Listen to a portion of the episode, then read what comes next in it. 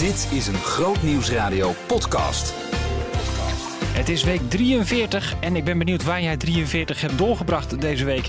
Was dat in jouw christelijke bubbel? Twee collega's, Marien en Thijs, die zaten daarin, maar willen er eigenlijk heel graag uit.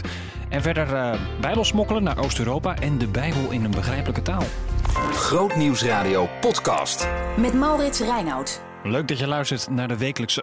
Ik heb een kikker in mijn keel. Dat heb ik ook niet vaak, zeg. Nou goed, leuk dat je luistert naar de wekelijkse podcast van Groot Nieuws Radio. Um, je kunt deze podcast overal vinden op Spotify, uh, Soundcloud, iTunes. En daar kun je ook overal abonneren. Krijg je hem uh, elke week automatisch op je telefoon of waar je hem ook luistert. Um, en in uh, deze podcast hoor je elke week nou, wat we op Groot Nieuws Radio allemaal behandeld hebben aan onderwerpen. Ik licht daar de meest interessante onderwerpen voor jou uit. En deze week staan we onder andere stil bij een gesprek wat uh, Laurens had in Laurens Lunchroom met Lauwe Kater. Lauwe heeft een bijzondere missie en dat is het uh, brengen van bijbels naar Oost-Europa.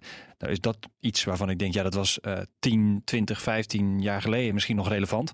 Maar nu... Goedemiddag Laurens. Ja, jullie stichting bestaat 45 jaar en zaterdag brengen jullie een boek uit waarin jullie terugblikken op deze periode van hulpverlening. Um, u gaat zeker één keer per jaar op en neer hè, naar Oost-Europa om er bijbels uh, te brengen. Uh, welk moment is u het meest bijgebleven? Um, nou, een van de momenten waar ik uh, regelmatig aan terugdenk is het, een van de reizen die ik met een van mijn goede vrienden deed, met Johan Molenaar. En, ehm, wij stonden aan de Russische grens met vier personen, twee auto's. En het leek dat we allemaal ingeklaard waren en de, de grens konden passeren. En op het laatste moment werden uh, onze vrienden uh, tegengehouden. Die hadden uh, stoelen bij zich voor een kinderthuis. Dat mocht niet mee, er moest flink voor betaald worden. En wij werden weggestuurd. Um, zochten een plek om de auto te parkeren en wachten een aantal uren tot de andere bus ook de grens overkomt. En daar is een bewaker bij de tankstation en die, die stuurt ons weg. Wij mogen daar niet staan ja, dan wordt de afstand met de grens natuurlijk groter. Dus dat, uh, dat wilden we liever niet. Nee. Um, op dat moment ga je denken van ja, wat gaan we doen? Um, gaan we die man geld geven? Gaan we kijken of wij hem met geld zover kunnen krijgen dat we kunnen blijven? Um, ja, je hebt alleen uh, wat uh, Europees geld bij je, dus ja, pak dat wel. En we zeiden tegen elkaar, laten wij die meneer een Bijbel geven en kijken of hij begrijpt waarvoor wij hier komen. En de doos die we daarvoor uh, openen uh, bevat een kinderbijbel.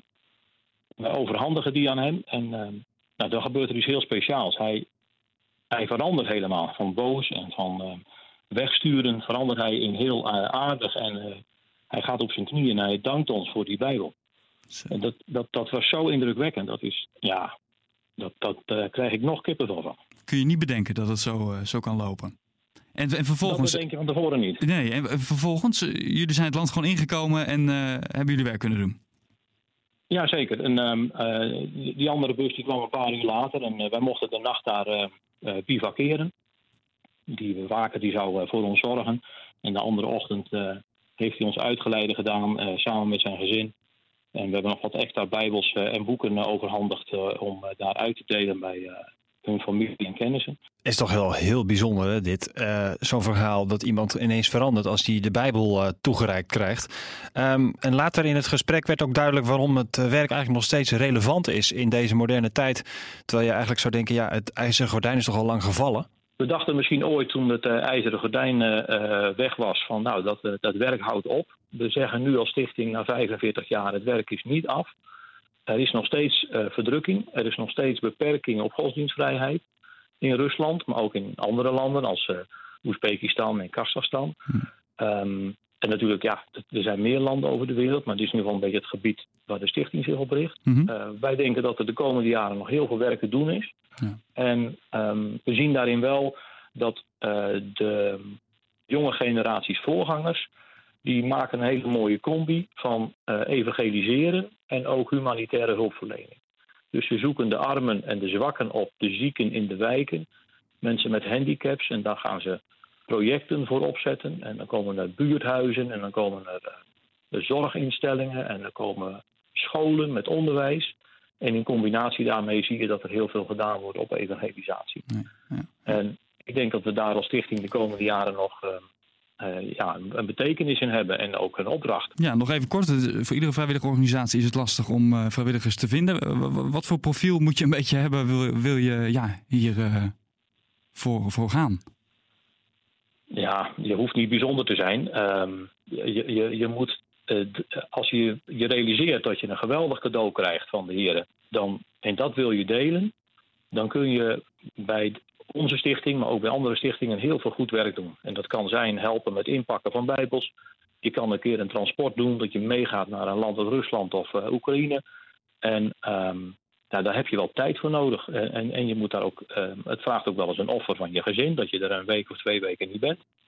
Um, maar als je daar uh, uh, tezamen over eens bent, ja, dan, wordt dat, dan, dan krijg je enorm veel bemoediging voor terug. Dus ja, ik, ik kan niet, ik, ik, het is niet moeilijk, um, maar het, het, vraagt om um, ja, een stukje liefde delen met anderen.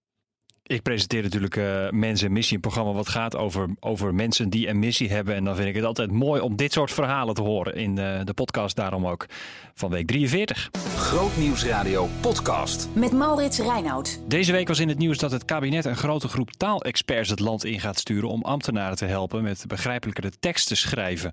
Want op dit moment zouden zeker 2,5 miljoen Nederlanders de brieven van de overheid niet altijd begrijpen. Toen dachten wij natuurlijk op de redactie: ja, hoe zit het eigenlijk met preken en met de Bijbel? Hoe werkt dat? En zou je eigenlijk ook niet uh, begrijpelijk lezen-experts daarop moeten zetten? Nou, we vroegen het uh, aan Matthijs de Jong, vertaler bij het Nederlands Bijbelgenootschap. een goed idee van het kabinet? Zo'n groep taalexperts het land insturen? Ja, ik denk dat het een heel erg goed idee is. Um, wij uh, hebben als Nederlandse Bijbelgenootschap een paar jaar geleden de Bijbel in gewone taal uh, uitgebracht. Dus een Bijbel die uh, compleet in begrijpelijke taal is gemaakt. En we merken hoeveel mensen daar eigenlijk plezier aan beleven en voor hoeveel mensen dat het verschil maakt om een tekst zoals de Bijbel, die zij als moeilijk ervaren, toch goed te kunnen begrijpen. Dus ja. ja, ik denk dat hetzelfde geldt voor overheidsteksten. Ja, weer op een heel andere manier, maar er is wel iets vergelijkbaars. Ja, maar, maar wie bepaalt nou wat begrijpelijke taal is? Of wat in het uh, geval van de Bijbelvertaling gewone taal is? Nou, er zijn allerlei hulpmiddelen die jou kunnen uh, zeg maar handvatten geven om gewone taal te gebruiken. Um, het gaat eigenlijk vooral om bekende woorden, hè, woorden die iedereen kent.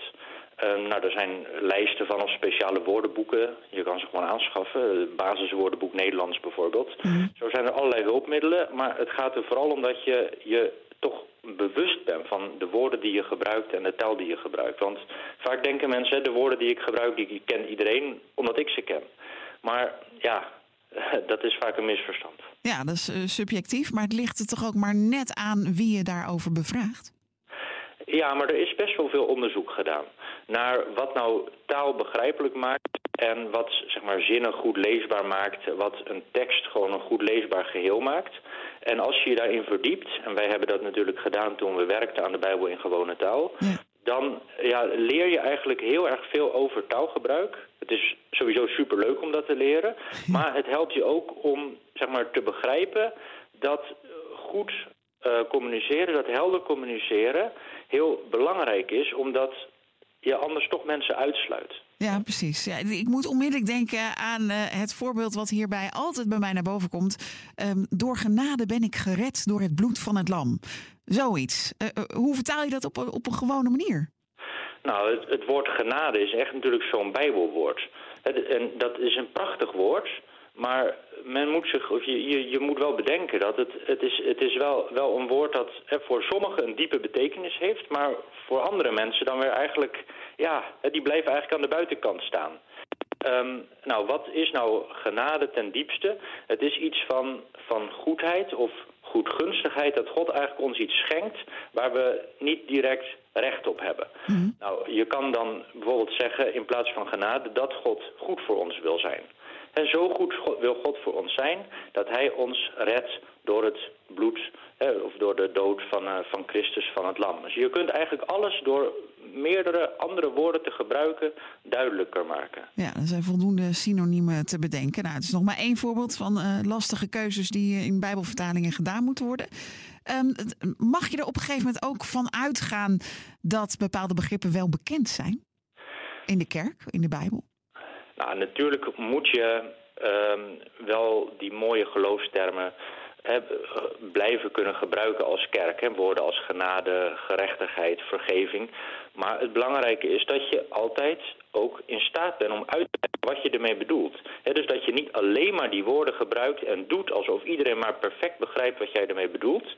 Maar dat je eigenlijk altijd bereid bent en er ook voor open staat om mensen duidelijk te maken van nou dit en dit bedoel ik er nou mee. Ik, denk dat begrijpelijke taal is nooit iets om op neer te kijken. Maar het is gewoon de beste manier om iedereen mee te laten doen. Amen. Daar ben ik natuurlijk als radiomaker helemaal mee eens. Want als je ergens begrijpelijke taal moet bezigen, dan is het natuurlijk wel op de radio. Eh, want ja, schrijftaal op de radio, dat kan echt niet. En dat is nog best moeilijk eigenlijk om begrijpelijke teksten te maken. Dus ik heb het wel een beetje te doen hoor, met al die vertalers. En ook met de ambtenaren bij de overheid. Doe het maar eens. Maak maar eens eh, hele begrijpelijke zinnen van hele complexe onderwerpen. Ik eh, ga er maar aan staan. Grootnieuwsradio podcast. Met Maurits Reinoud. Zit jij in een bubbel? Moet je eerlijk antwoord geven. Zit jij in de christelijke bubbel? Nou, eh, er zijn eh, mensen die zeggen van je moet daar gewoon uit. Je moet uit die christelijke bubbel, want het is hartstikke slecht voor je. Het ging erover in, bij Jorike. En, Jorike was er niet, maar Marien was er wel. En die maakt zich daar ook wel eens druk om. Om die christelijke bubbel. Dat deed hij samen met Thijs. Bij Jorike. Met Marien Korterink. Hele goedemorgen, van harte welkom. Leuk dat je erbij bent om eh, vanochtend te praten over de christelijke bubbel. Dat doen Thijs en ik. Wat is dat nou eigenlijk precies? Is er iets mis mee? En als je zou willen, hoe kom je dan bijvoorbeeld buiten die bubbel? We horen graag jouw mening en gedachten hierover. Ik ga er nu over praten met Menno Hansen, theoloog die in een aantal artikelen op CP uitlegt hoe we als kerken aanwezig zijn in de maatschappij en hoe je daar verbinding mee kunt maken. Menno uh, Hansen, hartelijk welkom in de studio. Goedemorgen. Ja, je loopt hier gewoon even binnen, want uh, jij woont in Venendaal, hè? Ja, ja, midden in de christelijke Bijbelbelt. Ja ik, vroeg me, ja, ik vroeg me direct eigenlijk al af, uh, zit jij in de christelijke bubbel? Ja, gigantisch. En ik schaam me ervoor en ik vind het irritant, ja? maar het is wel zo. Ja. Waarom schaam je je ervoor? Ja, als ik kijk naar Jezus, dan, uh, dan was hij er volgens mij als geen ander in uh, geslaagd om met alle mensen te connecten. En als ik kijk naar mijn leven en naar mijn wereld, dan, uh, dan, dan vind ik dat ik daar zelf echt zwaar een onvoldoende op score. Oh, is, is dat het? Dat jij zegt dat Jezus buiten zijn bubbel ging en dat jij dat eigenlijk te weinig doet? Ja, vind ik wel. Ja, ja, Jezus was daar echt, echt heel goed in om met en fariseeën en met mensen aan de onderkant van de maatschappij uh, die anders dachten, die hetzelfde dachten, uh, te connecten. Ja. Hoe, hoe definieer jij zelf eigenlijk die christelijke bubbel? Ja, dat is een goede vraag. Want wat is dat nou? Want ik, ik, ik heb het idee dat in die christelijke bubbel zijn ook weer kleinere bubbels. Je hebt ja. de reformatorische bubbel en de evangelische bubbel. En die hebben allemaal hun eigen kanalen, hun eigen kerkgenootschappen, hun eigen conferenties en hun eigen boeken, uitgeverijen en van alles. Uh, dus uh, in elke bubbel schuilt weer een kleinere bubbel waar we ons graag in, uh, in, in, in verschuilen. Uh, ik denk dat de christelijke bubbel vooral wordt gekenmerkt dat we, en, en dat vinden we denk ik ook, dat we het liefst onze boodschappen doen bij een christelijke ondernemer. En dat we het liefst onze kinderen naar een christelijke school sturen. En dat ehm, de, de, de kinderen het liefst naar de Bijbelweek gaan in plaats van naar een, een seculier bouwdorp. Oh, ja, ja. nou ja, allemaal zaken die we, die, we, die we doen om zoveel mogelijk in dat christelijke bubbeltje te blijven. Is dat erg? Uh, ja, ja, ja. Tot op zekere hoogte. Uh, ik denk. Ik, laat ik zo zeggen, ik vind het erg, omdat we daarmee onszelf uh, zwaar tekort doen. En ik denk God ook wel een beetje tekort doen. als we ons te veel opsluiten in één enkele, in dit geval dan die christelijke bubbel, dan verliezen we een heel belangrijk aspect van leven en van leven met Jezus. En dat is dat we leerbaar zijn en dat we gaan leren. Uh, omdat de leeropbrengst in het leven vooral gebeurt daar waar wat ongemak schuilt. En daar waar het net even wat minder comfortabel is dan waar we normaal ons begeven. Oh, ja. En dat is buiten je bubbel. Ja. Daarover gesproken, je hebt voor je studie theologie twee jaar uh, in Amsterdam gezeten. Waar was dat precies? Ja, ik, ik uh, liep stage als voorganger in Amsterdam Nieuw-West. Uh, een zogenaamde vogelaarwijk. Oh, ja. Waar uh, nou ja, ongeveer 1% van de, van de wijkbewoners nog christen was. Een groter percentage was, uh, was islamitisch. en een nog groter percentage deed nergens aan. daar liep ik stage in een kerkplant. een gemeente die werd opgericht om nou ja, echt dienstbaar te zijn aan de wijk. Ja. En hoe, hoe, was dat voor jou? Want je hebt altijd in Veenendaal gewoond. Je ging daarheen. En was dat een ervaring ook van, hè, bij wijze van spreken, ik pak die trein, ik stap nu een nieuwe wereld binnen? Of? Ja, Ja, Ja? dat was het wel een beetje, ja. Ja, ja ik moet zeggen, eh, buiten je bubbel stappen, eh, eh, dat heeft eigenlijk te maken met je karakter. Vind je dat leuk of vind je dat niet leuk? De een doet dat Ja, ja. makkelijker dan de ander. Ergens eh, zit het wel in me eh, dat ik dat wel leuk en interessant vind. Eh, maar dat was echt een andere wereld. Echt een andere wereld. Ik, ik, ik, ik ehm, ontmoette mensen die ik nog nooit had ontmoet. En situaties kwam ik tegen die echt nieuw waren. Ik vind het wel interessant wat je zegt. Van, ja, het moet een beetje bij je karakter passen of je dat fijn vindt of niet. Eh, heeft het ook niet te maken dat je denkt, ik heb een bepaalde roeping, een bepaalde gave om buiten die bubbel te treden. En anderen die hebben misschien hele andere manieren waarop ze dan aan het koninkrijk eh, bijdragen. Ja, ik, ik denk dat je daar wel een punt hebt. Eh, omdat eh, ik wil geen nieuw dogma uitroepen dat alles eh, buiten de bubbel heel goed en heilzaam voor je is. Ehm, en, en ik denk dat het zeker te maken kan hebben met roeping en met, en met karakter. Maar ik vind het opvallend als je kijkt naar, naar, naar christelijk Nederland, dan hebben heel weinig mensen de roeping om buiten de bubbel te stappen. Ik heb toch het idee dat God daar iets anders over nadenkt.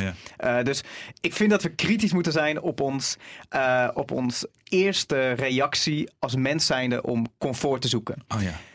Ja, interessant. Ehm, nou, nou zit ik te denken, wij zitten misschien met z'n allen ook wel een beetje als groot nieuwsradio soms in een bubbel. Er zijn misschien mensen aan het luisteren die binnen de bubbel zijn. Jij bent de avonturier, iemand die buiten de bubbel is geweest in Amsterdam. Ehm, wa- wat heb je daar geleerd over, eh, ja, over het buiten de bubbel zijn? Eh, dat het eh, heel ingewikkeld is, dat het vermoeiend is. Eh, dat is het eerlijke verhaal. Maar Waarom? ook, maar ook dat, het, dat de leeropbrengst gigantisch is. Eh, ik heb in twee jaar nog nooit zoveel geleerd, naar mijn idee, als dat ik daar was in Amsterdam. En wat, le- wat leer je dan en wat was er moeilijk aan? Nou, het, het moeilijke eh, vond ik dat ik situaties tegenkwam die ik nog niet kende. En waar ik niet vertrouwd mee was. Waarbij ik niet meer kon vertrouwen op dat wat ik normaal altijd deed. En de dingen die ik had geleerd op school. Een heel mooi eh, voorbeeld daarvan was dat ik voor het eerst de Alpha-cursus daar ging leiden in Amsterdam. En dat ik samenwerkte met een eh, mevrouw uit de kerk die Colombiaans was. Mhm. eh, uit een Colombiaanse Pinksterkerk kwam. Eh, en ik had netjes op school geleerd dat je moet reflecteren. eh, en dat je reflectievragen moet stellen. En dat je activiteiten die je hebt gedaan, bijvoorbeeld zo'n avond met de Alpha-cursus, eh, dat je daar uitgebreid over gaat napraten. En zij benadrukte in het gesprek, in het evaluatiegesprek van de eerste avond, dat we moesten bidden. En dat we meer om de geest moesten vragen. En nou, van alles. Dat ik dacht, laten we gaan evalueren. Oh, ja, ja, ja. Maar zij was dat vanuit haar cultuur en vanuit, uit, ook vanuit haar kerkelijke achtergrond totaal niet gewend. Nou, dat, dat, dat, dat was een cultureel verschil. Uh, maar uh, er zijn nog tal van voorbeelden dat ik, uh, dat ik mensen tegenover me had die me echt glazig aankeken als ik, als ik zei dat ik dacht dat er een God was. En dat ze echt dachten, hè? Wat een gek verhaal. Hoe kun je dat geloven in vredesnaam? Gaan we dat eens uitleggen? En dat hoef je in de bubbel natuurlijk nooit uit te leggen. Nooit, nooit. Nee, Nee, nee. nee. Nou las ik in onlangs een artikel op CEP. Daarin zei jij dat als een kerk vijf jaar lang niet iemand heeft gedoopt met een niet-christelijke achtergrond, dat het tijd is om jezelf op te heffen. Uh, uh, stevige uitspraak. Leg eens uit, wat bedoel je daarmee? Ja, hij, hij is prikkelend bedoeld hoor. Ja, ja, ja. Uh, uh, theologisch valt er uh, zat op af te dingen als je hem gaat ontleden. Maar ik heb vooral uh, met die uitspraak willen prikkelen. Omdat het naar mijn idee... ehm, laat ik zo zeggen, een brevet van onvermogen is als je als kerk dus consequent en continu, jaar in jaar uit, het niet lukt om mensen te bereiken die Jezus nog niet kennen. Ja. Uh, dan moet je je echt achter je oren gaan krabben. Volgens mij is uh, het missionaire doel niet het allerbelangrijkste en het enige waarvoor de kerk en kerken hier op deze aarde zijn. Uh, maar het is wel een heel belangrijk doel. En laten we eerlijk zijn, als we kijken zeker naar traditionele kerken, maar ook naar evangelische kerken, dan, uh, dan, dan zijn ze vooral gericht op het eigen comfort. En zijn ze vooral niet gericht op gemeenteleden in het discomfort te drukken uh, van het getuigen, van het, uh, het, het, het, het, het dienen van mensen die, die, die heel anders zijn dan zij. Ja, nou zit ik te denken, hè? jij bent bijna klaar met je studie theologie, uh, over comfort gesproken. Predikanten die zitten natuurlijk ook heel erg in hun eigen bubbel. Die, die zitten op zondag in de kerk, op maandag lezen ze in de Bijbel, op dinsdag lezen ze in de Bijbel, op woensdag geven ze een categorisatie over diezelfde Bijbel en ga zo maar door. Ja. ja. Uh, hoe ga je dat doen? Pa Paulus was zo gek nog niet dat hij tenten maken was een evangelist. Ja, ja. ja, dit is dus dit is misschien dus wel uh, de wortel van kerken die dus consequent binnen de bubbel fungeren. De dominee is de schuld. Uh, nou, de, de dominee gaat niet voor. Uh, gaat niet voor in het buiten je bubbel treden. Uh, dus de, de dominee moet, en dat vinden wij als kerkgangers vaak ook, die moeten toch wel het allerheilig zijn en het allernetst. En vooral binnen alle lijntjes blijven kleuren. Uh, en uh, ja, lang leven de predikant die zegt: Ik ga op avontuur. Ik, ik, ik ga op avontuur door mensen te ontmoeten, dingen te doen die eigenlijk niet kunnen. Maar ik ga het doen omdat ik wil ontdekken wat daar buiten is. en ik ga mijn, mijzelf en ik ga mijn gezin en ik ga mijn gemeenteleden daar heel veel, heel veel comfort mee onthouden. Maar ik ga het doen eigenwijs als dat ik ben. Want ik wil voorgaan in dat wat we nog niet hebben ontgonnen als gemeente. Ja. Als je dus een uh, dominee wil die een warm bad uh, gaat regelen voor je, dan moet je Menno niet aannemen als dominee. Um, als laatste, um, er zijn misschien een hoop mensen die het eng vinden om, om buiten die bubbel te gaan. En dit is soms ook een hele uh, drempel om over te gaan. wat zou je willen zeggen tegen mensen die dat bijvoorbeeld misschien denken, ja, misschien zou ik dat eens moeten doen. hoe kunnen ze dat het beste aanpakken? Ja, ik zou allereerst heel erg willen bevestigen dat het spannend uh, is. En, uh, en laten we dat ook vooral tegen elkaar ook blijven zeggen. Uh, en niet elkaar onze spierballen tonen met hoe dapper het is wat we, wat we doen. Maar dat we dat soms met knikkende knietjes en een beetje bevend doen. Um, en tegelijkertijd zou ik willen zeggen, ja, doe het gewoon. Um, maak je handen vuil. Um, um, um, kom op plekken waar je ongemak ervaart. Uh, omdat in dat ongemak ook iets nieuws en iets moois van God schuilt. Ja. Uh, juist daar ga je nieuwe dingen van God ontdekken. En, uh, en dat is fantastisch. En je gaat kaart op je snuffen trouwens. Ja, mooi. Heerlijk. Oh, alle reacties op de uitzending, want er kwamen er nog een hoop binnen van luisteraars, kun je terugvinden via grootnieuwsradio.nl slash gemist. Dat was de uitzending van Bijorieke op donderdag. Komende week op Grootnieuws Radio. Zullen we alvast uh, naar de maandag kijken? De maandag, naar het weekend. Uh, twee uh, interessante onderwerpen sowieso in de uitzending van De Nieuwe Morgen. Een Amazone-synode. Nou, zou je verschillend kunnen opvatten. Het kan over het klimaat gaan, een klimaatsynode. maar het kan ook zijn natuurlijk dat er daar ergens een belangrijke synode plaatsvindt. Nou, daar horen we alles van om kwart over zeven de Nieuwe Morgen. En om kwart over acht een klaagmuur in Apeldoorn. Dichter bij Israël of dichter bij de klaagmuur kun je niet komen. Um, leuk dat je luistert naar de wekelijkse podcast. Vergeet je niet te abonneren. Um, en vertel ook eens iemand anders over de podcast. Vind ik leuk. Elke luisteraar die erbij komt is gezellig. Bedankt hè. Tot volgende week. Behoefte aan meer? Grootnieuwsradio.nl slash podcast.